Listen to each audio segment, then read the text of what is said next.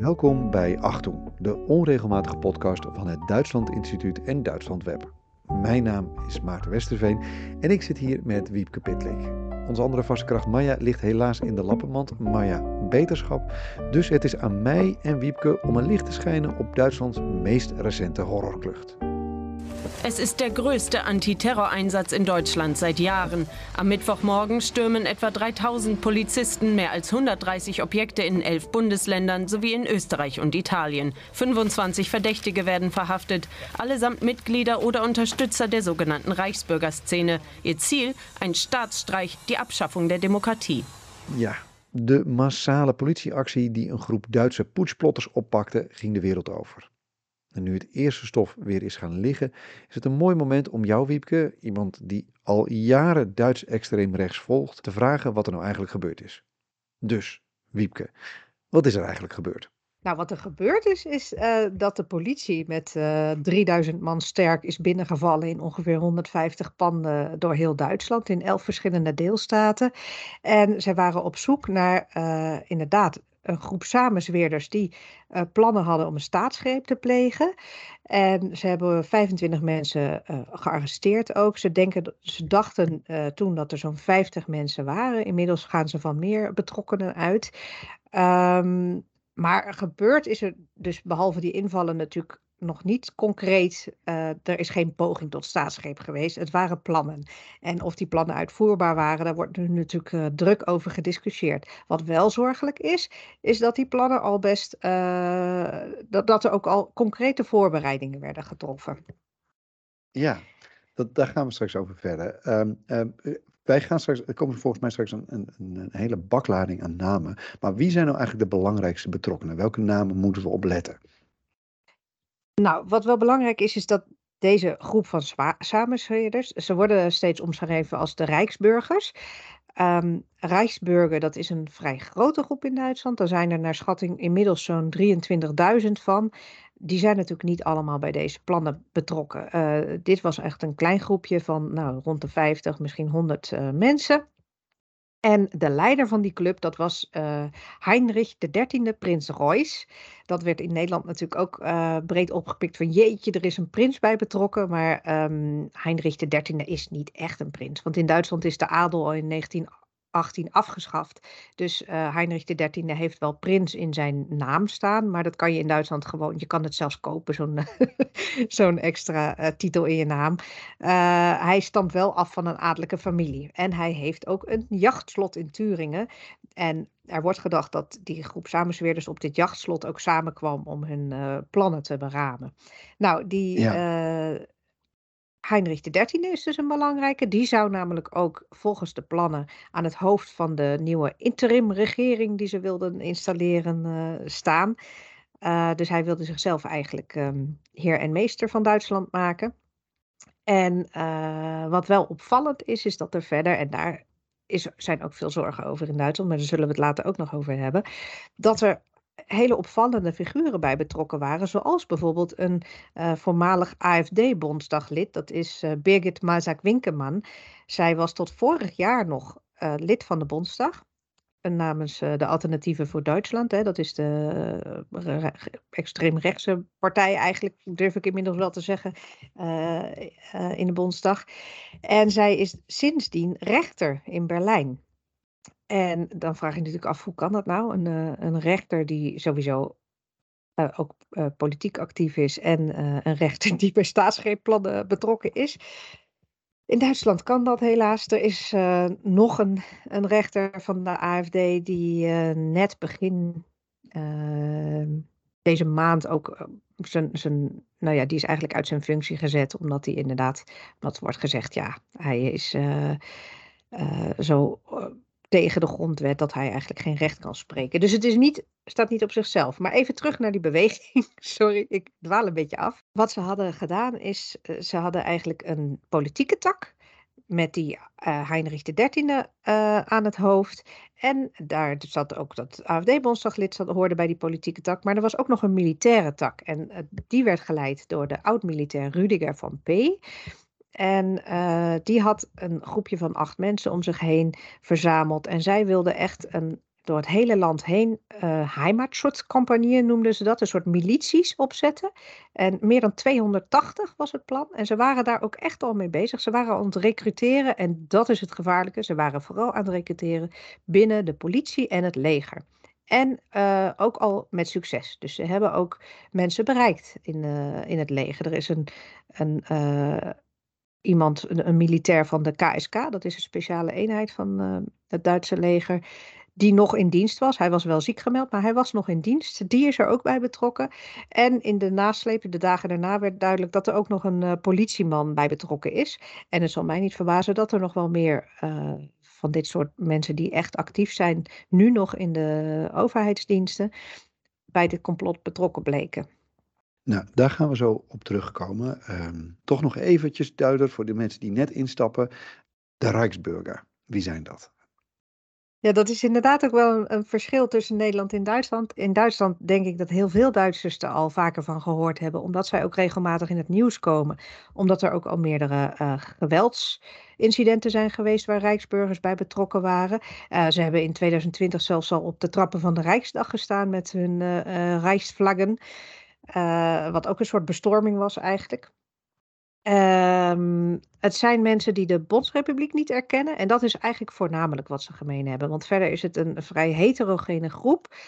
Ze hebben allerlei um, ja, verschillende ideeën. Dus ze hebben niet één idee, maar wat ze gemeen hebben is dat ze uh, de Bondsrepubliek niet erkennen, omdat ze menen dat in 1945, toen Hitler de oorlog verloor en de geallieerden eigenlijk Duitsland bezetten, uh, dat die geallieerden eenzijdig uh, een democratische Bondsrepubliek hebben opgelegd aan Duitsland. Nou, dat vinden zij dus.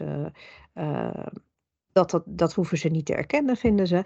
En waar ze dan wat ze dan wel willen, dus waar ze op teruggrijpen, dat verschilt. De een grijpt terug op um, uh, het Duitse keizerrijk, zoals dat in 1871 is ontstaan. Hè, toen uh, alle, al die kleine vorstendommen werden samengebracht tot één uh, Pruisisch keizerrijk eigenlijk. Maar er zijn ook rijk, Rijksburger die juist zeggen van nee, ik voel mij burger van het groothertogdom Baden of nou ja, Vrijstaat, Vrijstaat Preußen of Saxen of wat ook. Dus um, en dan hebben ze ook nog, en die worden hier eigenlijk nooit genoemd, uh, de Duitse Veiligheidsdienst, die spreekt van de Rijksburger en Selbstverwalter. Dus die noemt dat als één groep. Dus die 23.000 mensen die er inmiddels in Nederland zijn, dat zijn Rijksburger, uh, sorry, in Nederland, in Duitsland natuurlijk. 23.000 mensen die er in Duitsland zijn. Dat zijn uh, niet alleen Rijksburger, maar ook Selbstverwalter. En Selbstverwalter zijn dus, die hebben met de Rijksburger gemeen dat ze de Bondsrepubliek niet erkennen. Maar die vinden dus dat ze wel gewoon zelf uh, voor zichzelf kunnen zorgen. Die vinden dat ze gewoon geen overheid nodig hebben. Dus die leven vaak autarkisch, beginnen ergens een boerderijtje, verbouwen hun eigen groenten, uh, slaan wat wapens op in de kelder. En, en dan heb je natuurlijk ook nog de, de preppers, die we ook wel misschien uit Amerika kennen. Mensen die zich allemaal voorbereiden op als het helemaal misgaat in de wereld, dat ze dan uh, inderdaad helemaal zelfvoorzienend kunnen leven. Je zou ook kunnen zeggen van goed, hè, wat was er nou voor de Bondsrepubliek? Nou, dat was, hè, het, uh, dat was Nazi-Duitsland en daarvoor was nog de Weimarrepubliek. Ja. En dan pas kom je bij het keizerrijk aan. Ja. Maar het klinkt alsof dit een manier is voor rechts om uh, naar een Duitsland te verwijzen uh, voordat, voordat het verslagen was. Dus ja. een Duitsland voordat het allemaal helemaal fout ging. Dus voor het, Duits, het Duitsland van ja, voor 1918 groot, moet je dan een hebben. Een groot Duits Rijk. Met, ja. Uh, daar hangen ze natuurlijk dan ook een hoop romantiek aan vast. En uh, de Republiek van Weimar wordt natuurlijk ook vooral gezien. Uh, dat was een democratische republiek, wat op zich natuurlijk eigenlijk bijzonder was. Maar um, wordt toch gezien als de opmaat naar Nazi-Duitsland. Dus ja. nou ja, Nazi-Duitsland, daar kan je je als uh, fatsoenlijk burger niet mee identificeren. Dus uh, Republiek van Weimar is in hun ogen veel te zwak geweest en uh, verdeeld. Dus dan kom je toch uit bij dat Duitse keizerrijk. Wanneer is deze beweging eigenlijk op gang gekomen? Die bestaat al sinds de jaren tachtig ongeveer. En tenminste dat ze voor het eerst zichtbaar werden. En, maar dat was altijd een hele kleine randgroep eigenlijk. En die hebben wel in de afgelopen jaren zijn ze enorm gegroeid. Ze zijn in 2016 toen kwamen ze echt in de kijker omdat een Rijksburger een politieagent uh, uh, doodgeschoten had. Dus toen zijn ook de diensten wakker geworden en hebben er uh, goed naar gekeken hoe, hoe die beweging eruit ziet. Ze hadden, gingen tot die tijd uit van ongeveer een aantal honderd leden. Maar in 2016 hebben ze nieuwe cijfers bekendgemaakt, kwamen ze op 10.000 uit. En uh, inmiddels zijn het er al 23.000. Dus tussen 2016 en nu is het gegroeid. Het is nou meer dan verdubbeld. Uh, dus er is een grote groei geweest. Dat heeft te maken met. Nou, eerst hadden we natuurlijk de, de vluchtelingencrisis van 2015 en als reactie daarop ook Pegida en de AFD. Dat is niet alleen een reactie op de vluchtelingencrisis, maar dat kan toch wel, uh, uh, daar kan je toch wel een samenhang zien. En toen is ook dat Veukische nationalisme echt goed opgekomen. Dus die nieuwe rechten. Um, en er werd toen ook eigenlijk al gewaarschuwd dat zo'n partij als de AFD en ook Pegida een brug vormt van, dat, van die hele extremistische groepen aan de rand, de nieuwe rechten. Uh, door die banden met de AFD, dat ze eigenlijk naar het midden van de, gezel, van de samenleving uh, komen. En dat is ook het gevaarlijke wat je nu ziet bij deze samenzweerders, die met die koepplannen die deze week zijn vorige week zijn opgepakt. Dat zijn mensen uit het midden van de samenleving. Er zit een topkok bij, er zit inderdaad dus een rechter en bondsdaglid bij. Dus, nou ja, de, uh, uh, er zit een jurist bij. Dat zijn allemaal mensen, een, een operazanger ook nog overigens. Eh, als je het persbericht van de uh, generaal Bundesanwalt leest, die na deze invallen een uitgebreid persbericht heeft gepubliceerd met allemaal details over de plannen van die groep, dan, nou, dan kan je echt met je oren klapperen, want er waren ook waarzeggers bij betrokken, wordt gezegd. En die operazanger die zou dan minister van cultuur worden, dus er zitten allemaal hele gekke details in dit verhaal. Maar um, het zijn dus wel mensen uit het midden van de samenleving en niet die randgroep jongeren eh, die we bij de neonazies zagen. Ja, um, die Rijksburger, we, we raken er al een beetje aan. Hoe, hoe past die eigenlijk in de bredere uh, bewegingen op rechts? Kijk, wij praten wel vaker over, ja, een, een, eigenlijk moet er een, een extreem rechts special komen. Het gaat zelden een maand voorbij waarin je niet leest dat er weer een of andere hele enge groep zich heeft gevestigd ergens op het platteland. Of dat een legereenheid is opgedoekt, simpelweg omdat die volledig geïnfiltreerd is door extreem rechtse bewegingen politie-eenheden. Ja, ik kan me herinneren, anderhalf jaar terug in de Eifel, hè, volgens mij vertelde jij daarover, over die, die busjes van een soort uh, politie-uitziende eenheden die zich daar bezig hielden met uh, de, de opvang van, van mensen georganiseerd door rare extreemrechtse clubjes. Uh, er ja. gebeurt ontzettend veel hier in Duitsland. Ja. Um, en je kan die special bijna elke week wel uh, maken, omdat er elke week wel aanleiding voor is. Maar hoe ja. past die Rijksburgerbeweging eigenlijk in, in die bredere emancipatie? Nou, um, nu jij dit zo zegt, moet ik even aan denken dat de Rijksburger vorig jaar ook al in het nieuws waren met uh, toen die overstromingen, dus even een zijpad hoor, toen die overstromingen in het aardtaal waren. Daar zijn die Rijksburgers toen, hebben daar, ik, ik geloof een kinderopvang of iets van opvang gecreëerd en ook uh, deelden hulp uit en zo. Maar duidelijk met een Rijksburger uh, verhaal daarbij. En stookte de mensen ook op tegen de overheid, dat de overheid niks voor ze deed en dat zij er dus aan, aan te pas moesten komen om, uh, om die mensen te helpen. En daar zijn toen ook, daar hebben de, de, autoriteiten ook ingegrepen. Die hebben een aantal van die instellingen van die Rijksburgers ook gesloten. Maar daar kun je zien hoe ze um, dat ook als strategie hebben om, om mensen te bereiken op plekken en um, zich als een alternatief voor de staat te presenteren.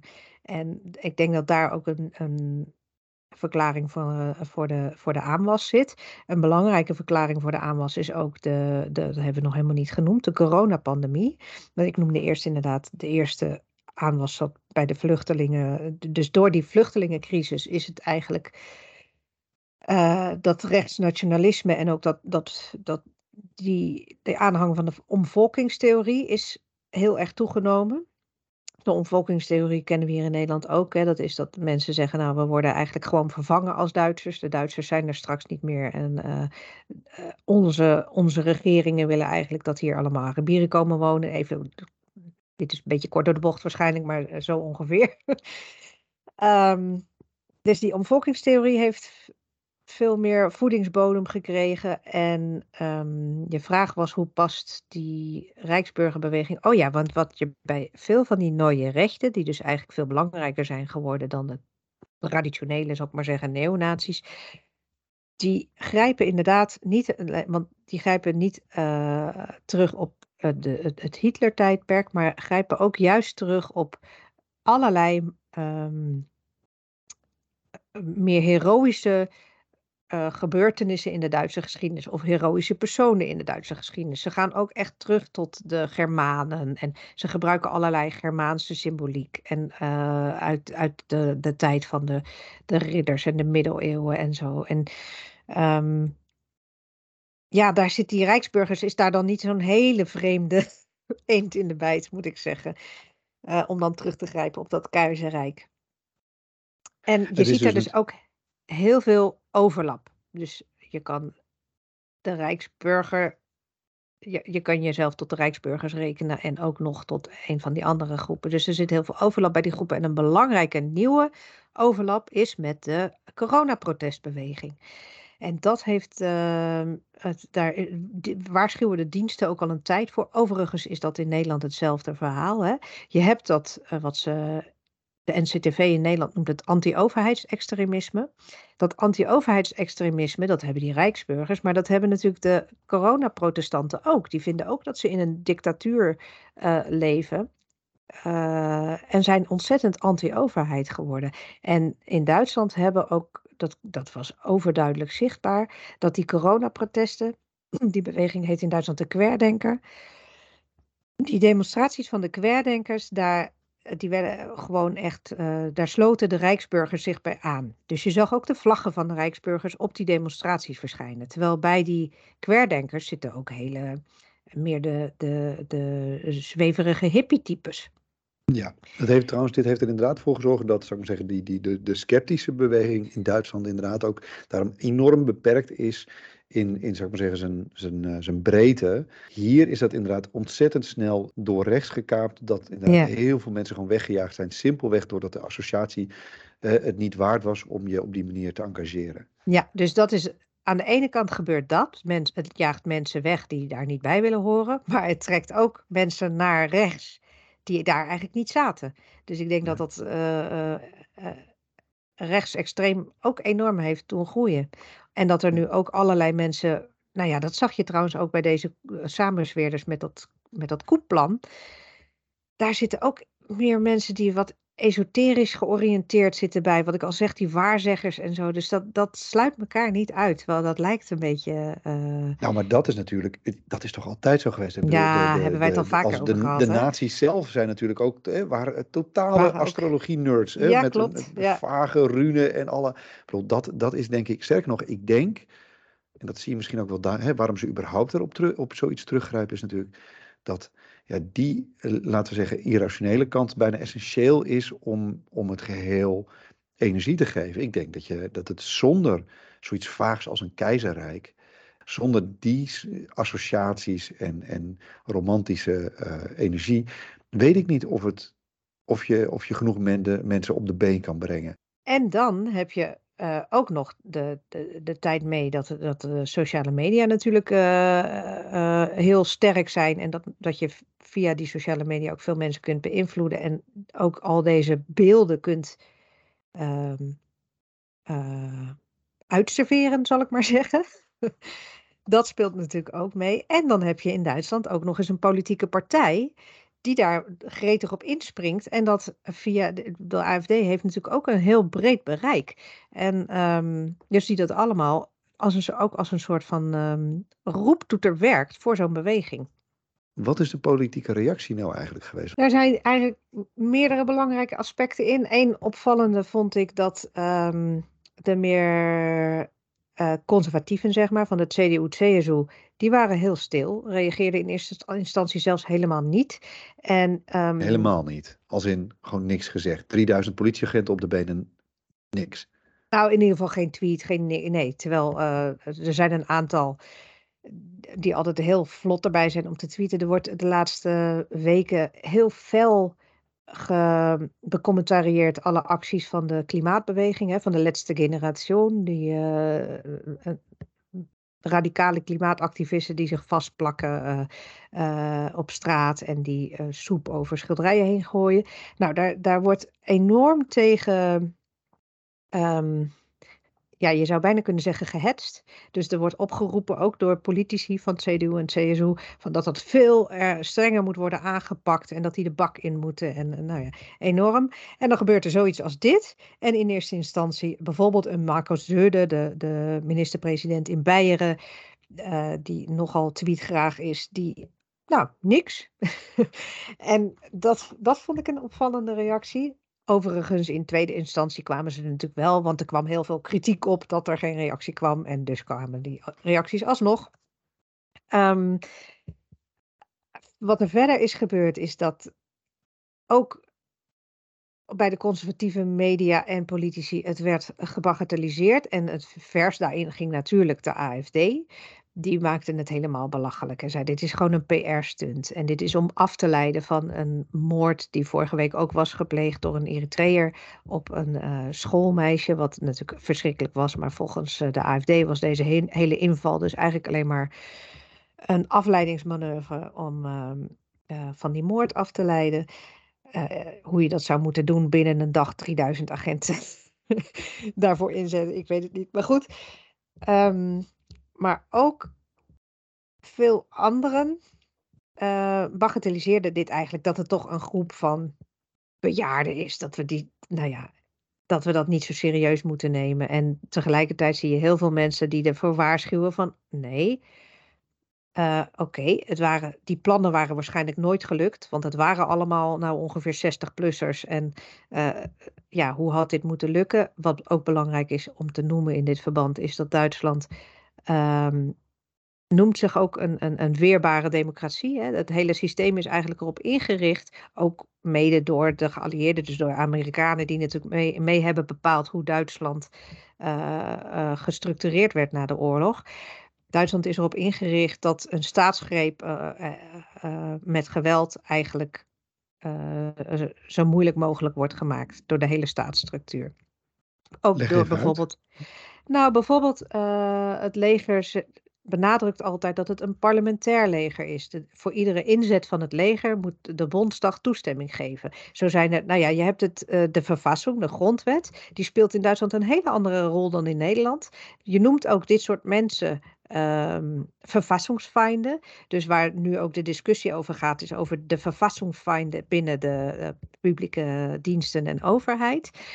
Dus dat zijn vijanden van de grondwet. Er is een uh, speciaal hof dat eigenlijk die grondwet bewaakt. Dus de, de grondwet is een, speelt een hele belangrijke rol. En zo'n staatsgreep gaat natuurlijk al in tegen de grondwet, dus moet met mannenmacht worden bestreden. Um, dus het had, was ook waarschijnlijk niet gelukt. Maar tegelijkertijd wordt gezegd, uh, het geeft wel aan wat een, wat een energie er in zo'n beweging zit. Uh, hoe ze dus dat ze al best ver waren met uh, allerlei voorbereidingen, met het vormen van dat soort milities door het hele land. Um, dus je moet, het, je moet er ook, je kan er wel lacherig over doen, maar je kan het maar beter serieus nemen, want die beweging groeit. En um, ook al was dit niet gelukt, er liggen nog heel veel andere plannen klaar. Er komen, nou ja, wat jij net ook al zei, er is heel vaak in Duitsland in het nieuws dat er weer ergens een groepje is opgerold dat bezig was met een dag X waarop uh, uh, de revolutie zou uitbreken. En, zij, uh, en dan hebben ze vaak ook al wapens ergens begraven en zo. Dus dat is geen onschuldig clubje. En zeker niet als, wij, als zij steeds meer erin slagen, wat ook echt strategie is van overigens van de nieuwe rechten in het algemeen. Zo'n Björn Hukke, dat is een van de belangrijke mensen binnen die rechtervleugel van de AFD. Nou, die heb ik jaren geleden al horen oproepen tijdens een toespraak van we moeten zorgen dat we overal zitten. We moeten in de scholen, we moeten in de eh, rechtbanken, we moeten in de politie. Dus het is hun strategie om overal op dat soort plekken te gaan zitten en dan van binnenuit ook um, het systeem te ondermijnen. Um, in reactie hierop is natuurlijk ook weer gesproken over nou ja, de meest logische reflex, het aanscherpen van de wapenwet. Terwijl die is al eerder ook aangescherpt, ook met het oog op de Rijksburgers, dat die uh, hun wapenvergunning zouden moeten kunnen inleveren. Nou, er wordt nu over gesproken om dat nog uh, verder um, aan te scherpen. En een andere belangrijke is dat ze echt werk van willen maken. Maar dat, daar zijn ze ook al lang mee bezig. Hoor. Zoals gezegd, in Duitsland hebben ze al wel een tijdje door dat dit een gevaarlijke beweging is. Dus ze zijn ook al bezig met uh, hoe kunnen we nou zorgen dat die zogenoemde verfassingsfeinden ontslagen kunnen worden. Want ambtenaren kunnen nauwelijks ontslagen worden. Dus daar uh, moeten ze de wetgeving voor aanpassen dat dat wel kan. Nou, dat is nu uh, deze week natuurlijk weer actueel geworden. En net gisteren is het, um, het Democratie-Fördergesetz is gisteren aangenomen. Nou, dat is ook iets waar al jaren over gediscussieerd wordt. Uh, wat altijd is tegengehouden in de vorige coalitie van SPD en CDU-CSU. Uh, het CDU-CSU wilde er niet aan, maar het gaat erom om uh, het maatschappelijk middenveld beter in staat te stellen om zich voor de democratie in te zetten. En dat was ook na deze koepplannen van vorige week een belangrijke oproep, ook bijvoorbeeld door de bondspresident, van ja, we moeten ook allemaal, alle burgers, uh, harder voor de democratie knokken. Dus we moeten een tegenwicht vormen voor deze beweging. En met dat democratie-Fördergesetz uh, klinkt het heel, heel bureaucratisch, is het ook, want het gaat eigenlijk alleen maar over de financiering van uh, instellingen en projecten en organisaties die zich inzetten voor de democratie en tegen extremisme. En dat is natuurlijk wel aan de preventiekant iets uh, belangrijks. Dat die wet er nu, hij is er nog niet door, maar de regering heeft, heeft hem nu voorgesteld. En uh, ja, in de nasleep van wat er nu is gebeurd, is er natuurlijk ook momentum voor dit soort maatregelen in de politiek. Maar is er ook iets dat deze energie uh, kan, kan spiegelen? Hè, wat je nu bijvoorbeeld beschrijft, is een heel veel natuurlijk symptoombestrijding. Het ontslaan van dit soort mensen is, is, is natuurlijk een vorm. Die mensen zijn er nog steeds. Het gaat alleen maar maken dat die mensen gewoon voorzichtiger en discreter natuurlijk uh, met dat soort dingen omgaan. Want hè, als ze deze moeite al doen om, hè, om instituten te infiltreren, dan gaan ze gewoon beter nadenken hoe ze dat kunnen doen uh, met de nieuwe wetgeving. Maar is er nou iets dat, dat die energie kan spiegelen? Zie je dat ergens? Wat ik wel altijd al in Duitsland vind, veel meer dan bijvoorbeeld in Nederland, is dat de, uh, de in de maatschappij veel meer, dus uh, ook, nou, de, meeste Duitsers die ik ken, zijn veel feller op het verdedigen van die democratie. Je ziet het ook in de journalistiek bijvoorbeeld.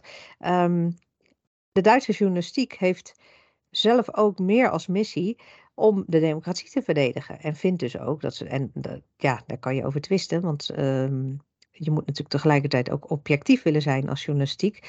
Maar ze vinden wel dat ze een soort uh, waakhond van de democratie zijn. En ik denk dat heel veel Duitsers zichzelf um, toebedelen dat ze een waakhond van de democratie willen zijn in ieder geval. Je hebt ook daar hele mooie Duitse woorden. Wat civielcourage is er zo één. Um, is ook zo'n belangrijke deugd van de Duitsers. Ik weet niet of je er wel eens van gehoord hebt. Haltung is eigenlijk dat je, um, dat je niet gewoon je schouders maar ophaalt voor wat er gebeurt, maar dat als iemand in jouw omgeving bijvoorbeeld racistisch is of nou ja, uh, iets van die aard, dat je daar dan ook tegen ingaat, dat je iets doet. En die, die oproep, die klinkt nu ook weer, maar die klinkt eigenlijk al jaren. Um, we hebben ik geloof twee jaar geleden of zo, alles geschreven over een bijeenkomst van bondspresident Steinmeier. Die, uh, die doet overigens vaak, nodigt dan mensen uit om daarover te praten en doet herhaaldelijk maar weer die oproep dat we uh, als um, civielgezelschap, dus als, hoe noem je dat in het Nederland, maatschappelijk middenveld denk ik, of ja, burgers, um, actief moeten zijn en actief die democratie moeten beschermen.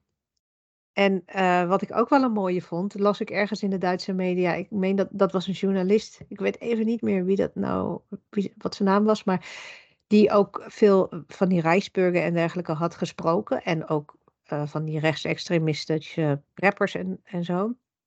En um, die zeiden tegen hem, hij zei ja, uh, wat ik hoorde is, ze kunnen wel wachten. Zij hebben geduld, ze wachten wel. En op wie wachten ze? Op ons. Op dat de maatschappij verzwakt is, dat er problemen zijn. En wat nu natuurlijk ook, en dat zien denk ik veel politici ook, dat het nu een beetje een gevaarlijke situatie is met de energiecrisis die we hebben, waardoor veel mensen in de problemen komen, waardoor de maatschappelijke onvrede zo toeneemt dat de tegenkrachten wegvallen. Dus ja, wat, wat moet de Duitse politiek doen? Die tegenkrachten versterken, denk ik. Jij, uh, jij, jij volgt dit onderwerp, extreem rechts in Duitsland, al langer. En ik vraag me dan af eigenlijk, jij met een wat langere blik, ik bedoel, heb je nou ook een, is er nou ook een bepaalde ontwikkeling te zien hierin? Ik bedoel, in hoeverre eh, heeft zoiets als dit plan, deze, dit, dit, dit, dit poetsplan, in hoeverre verras je dat? In hoeverre is daar ook iets nieuws in waar te nemen dat je misschien, laten we zeggen, tien jaar geleden nog niet in je werk zag? Heel veel elementen die nu naar voren kwamen, waar in Nederland iedereen heel verbaasd over was, verraste me niet zozeer, omdat er inderdaad, wat ik al zei, al vaker van die uh, taak X-complotten opgerold zijn. Uh, heel veel details hebben we ook al vaker gezien. Er is, in Duitsland is ook al een keer de Rijksdag bestormd. Dus um, in die zin hoef je niet verrast te zijn. Maar wat wel een ontwikkeling is, is nou, wat jij ook de emancipatie van de beweging noemt. Ze zijn zichtbaarder geworden, ze, ze zijn luidruchtiger geworden. Um, ze hebben zich dus gecombineerd. En dat vind ik wel, die, die querdenkerbeweging is ook best groot in Duitsland, de anti-corona-beweging. En wat ik ook altijd wel zorgelijk vind, is de internationale ver. Dus uh, in hoeverre dat allemaal um, internationaal elkaar beïnvloedt in ieder geval. Dat, dat denk ik zeer zeker. Nou ja, je ziet ook gewoon dat ze mekaars theorieën overnemen en elkaars uh, acties ook overnemen. En dat, eh, weet je, in, in Amerika hebben ze die, uh, hoe heet die, Confederation vlag. Zeg ik dat nog goed? Flag. In Duitsland zwaaien ze met de Rijksvlag. Uh, dus ook de hele beeldtaal nemen ze van elkaar over. Dat zal ongetwijfeld heel veel via ook sociale media gebeuren. Maar als je dat verhaal van de procureur-generaal leest over de, de, de plannen die deze groep had, die, zeg, die gingen er dus van uit dat er een internationale alliantie is, noemen ze dat. Um, van, en het zal mij niet verbazen dat dat die hele Trump-beweging is, maar een internationale uh, alliantie is van medestanders die dus ook als zij zo'n plan uitvoeren te hulp komen. Of dat er nou echt is of niet, zij geloven daar wel in en zien zich dus. Ze zien zich als onderdeel van een mondiale beweging. Um, en ik denk dat dat wel nieuw is. Ze zijn in die zin inderdaad geëmancipeerd geraakt. Het is, ze, hebben, ze, ze voelen zich sterker dan voorheen, denk ik. Um, ja, het lijkt er bijna op alsof Duitsland weer, weer gewoon het laboratorium, het politiek laboratorium van de wereld is in een zekere opzicht. als je, uh, uh, als je bijvoorbeeld als je kijkt naar rechtse bewegingen in Amerika, die passen gewoon simpelweg meer in wat er altijd was, namelijk een relatief zwakke staat, waar je best wel veel marges hebt. Hè, waar je dus ook in de zekere niet tegen hoeft te verzetten. Want ja, wapens hebben en je in enge groepjes verenigen, dat gebeurde toch al. Uh, maar als je nu hier naar Duitsland kijkt en dus inderdaad ziet dat er, dat, nou ja, dat er inderdaad nagedacht wordt over overname en hoeverre dat concreet gaat worden of niet. Um, het, het komt mij voor dat als je dit nou allemaal zo optelt, denk ik dat is eigenlijk de meest interessante partij om naar te kijken in dit opzicht. In dit geval bedoel ik ook een letterlijke partij is eigenlijk het CDA-CSU. In hoeverre eh, uh, schamen ze zich hiervoor? Als in van generen ze zich hiervoor? In hoeverre denken ze wat met die energie te kunnen? Ik ben wel benieuwd hoe het, uh, die partij met deze energie omgaat en wat nou, ze daarmee denken te kunnen doen. Daar werd in de Bondsdag ook al uh, fel uitgehaald naar partijleider Friedrich Merz bijvoorbeeld. De CDU-CSU is sinds Merkel weg is en Merz daar de scepter zwaait, echt op de populistische toer. En eh, gaat daarmee natuurlijk, ik wil, de meeste mensen zullen uh, keurige democraten zijn bij, de, bij die partij, maar um, ze flirten wel een beetje, ze gaan in ieder geval echt op de rechtspopulistische toer. Dat, dat is overduidelijk te zien. En um, ja, dat is natuurlijk ook gevaarlijk, dat je dan een soort van voedingsbodem creëert voor mensen die verder doorgaan naar, uh, naar rechts. Dus doorschieten naar rechts. Ja, en uiteindelijk natuurlijk, als je die tour op wil gaan, dan moet je ook mensen naar voren schuiven die die mensen geloofwaardig kunnen aantrekken. Wat volgens mij alleen maar als een soort vliegwiel voor de aanwas kan, uh, ja. uh, kan zorgen. Hè, ja, dat klopt. Je, je, je ziet het ook. Uit. De, thema's waar ze, op, op, uh, waar ze heel driftig over tweeten en commentaren schrijven in de kranten, zijn ook allemaal van die identiteitsthema's. Ze zijn erg tegen de hele wolkbeweging natuurlijk. Ze maken zich heel druk over een discussie die ons helemaal vreemd is, het genderen in de taal. Dus dat betekent uh, inclusief taalgebruik eigenlijk. Dat je um, uh, bijvoorbeeld functieaanduidingen altijd de mannelijke en de vrouwelijke variant noemt, of daar weer variaties van. In ieder geval die discussie, daar zijn ze fel op tegen. Um, eigenlijk alles wat met inclusiviteit uh, te maken heeft, daar, daar ageren ze tegen. En dat is wat ik bedoel met dat ze een beetje de populistische kant op gaan. En dat is precies, denk ik. Um, uh, spekkie voor het bekkie, voor die, voor die rechtse beweging, zou ik maar zeggen. Dus ze hebben dezelfde ja. thema's. En dat vind ik uh, niet verstandig, dat ze daarop gaan zitten. Nee, uh, de, de, de, ironie is natuurlijk dat, dat uh, zolang ze natuurlijk regeerden, ze die, de middenpositie konden en misschien zelfs moesten hebben. Ja. Om al die andere partijen tegen elkaar uit te spelen. Maar nu je natuurlijk erbuiten zit, moet je je differentiëren. En de energie ligt daar. Ik bedoel, we zien ja. dit in uh, Nederland natuurlijk ook. De ja. energie op rechts ligt op, ja, verder rechts. Niet op een soort uh, gematigd uh, rechts. met Bolke, de, de Bolkestein variant ga je het niet meer redden. Je moet nu, je, moet, je moet wilder zijn. Dus... Het, het, is, het, het, lijkt me ook een dynamiek die heel erg moeilijk eh, te doorbreken is. Nu, die ja. eenmaal, hè, nu het eenmaal in gang is gezet. Ja, uh, ja wie zit er op gematigdheid te, te wachten? Je wil, uh, ja, je wil passie. Ik, uh, ik, ik, ben benieuwd of je dat, dat vuurtje kan, kan koelen. Um, maar was dit alles nu, deze affaire? Is het, is het nou een ernstige klucht of is het nou kluchtige ernst? Ik weet nog niet wat ik ervan moet vinden in die zin. Gaan we hier, zoals ze wel eens zeggen uh, over iets uh, dramatisch, hè, gaan we hier later nou om lachen? Misschien is dat wat ik wil weten, Wiepke. Gaan we hier later nou om lachen? Nou ja, de details, de, daar kan je ook nu al om lachen, moet ik eerlijk zeggen. Maar uh, het heeft natuurlijk zeer zeker wel een, een ernstige ondertoon. Maar ja, dat is, dat is vaak bij humor. Nee, dat is vaak bij Duitsland. ja, ja, dat sowieso. Ja uh, gaan we hier om lachen. We gaan hier zeker nog alleen van deze groep al meer horen. Want uh, ze hebben ook al aangekondigd, ze hebben heel veel uh, in beslag genomen nu met al die huisdoorzoekingen. En ze verwachten ook dat er nog veel aanhoudingen zullen volgen. Ze hebben, dat heb ik nog niet eens verteld, geloof ik, hè? Dat ze meer dan 100, ook zo'n bizar verhaal, geheimhoudingsverklaringen hebben gevonden. Dus meer dan 100 mensen hebben, wisten kennelijk van dit plan en hebben een geheimhoudingsverklaring ondertekend. En daarop straffen vaak van de doodstraf, wat toch ook echt zamelijk extreem is. Um, dus er zijn je nog kan meer... toch mensen gewoon... Dat vind ik, ik vind het trouwens ook wel... Dat is typisch Duits om er toch weer bureaucratie van te maken. Want aangezien ja, dit toch niet rechtsgeldig is... had je toch gewoon ze kunnen bedreigen. Zeg van luister, je houdt je mond, anders schieten weer. Maar dat willen ze dan toch... Dat willen ja, ze en, toch op papier zetten. Dat... En hoe, is het, hoe onhandig is het dat je dan een keurig lijstje hebt voor de politiemensen met wie er allemaal vanaf wist. ja. Wiepke, uh, voor vandaag houden we mee op. Volgende week spreek ik jou en Hanko. En dan uh, gaan we kijken wat, dit jaar jullie, uh, wat het jaar in, in Duits nieuws zoal gebracht heeft. Dankjewel. Nou, en vooral wat één jaar amper regering ons gebracht heeft. En zo is het, ja. Nou, dat gaan we dus volgende week horen. Dankjewel. Ik spreek je volgende week. Tot volgende week, Maarten.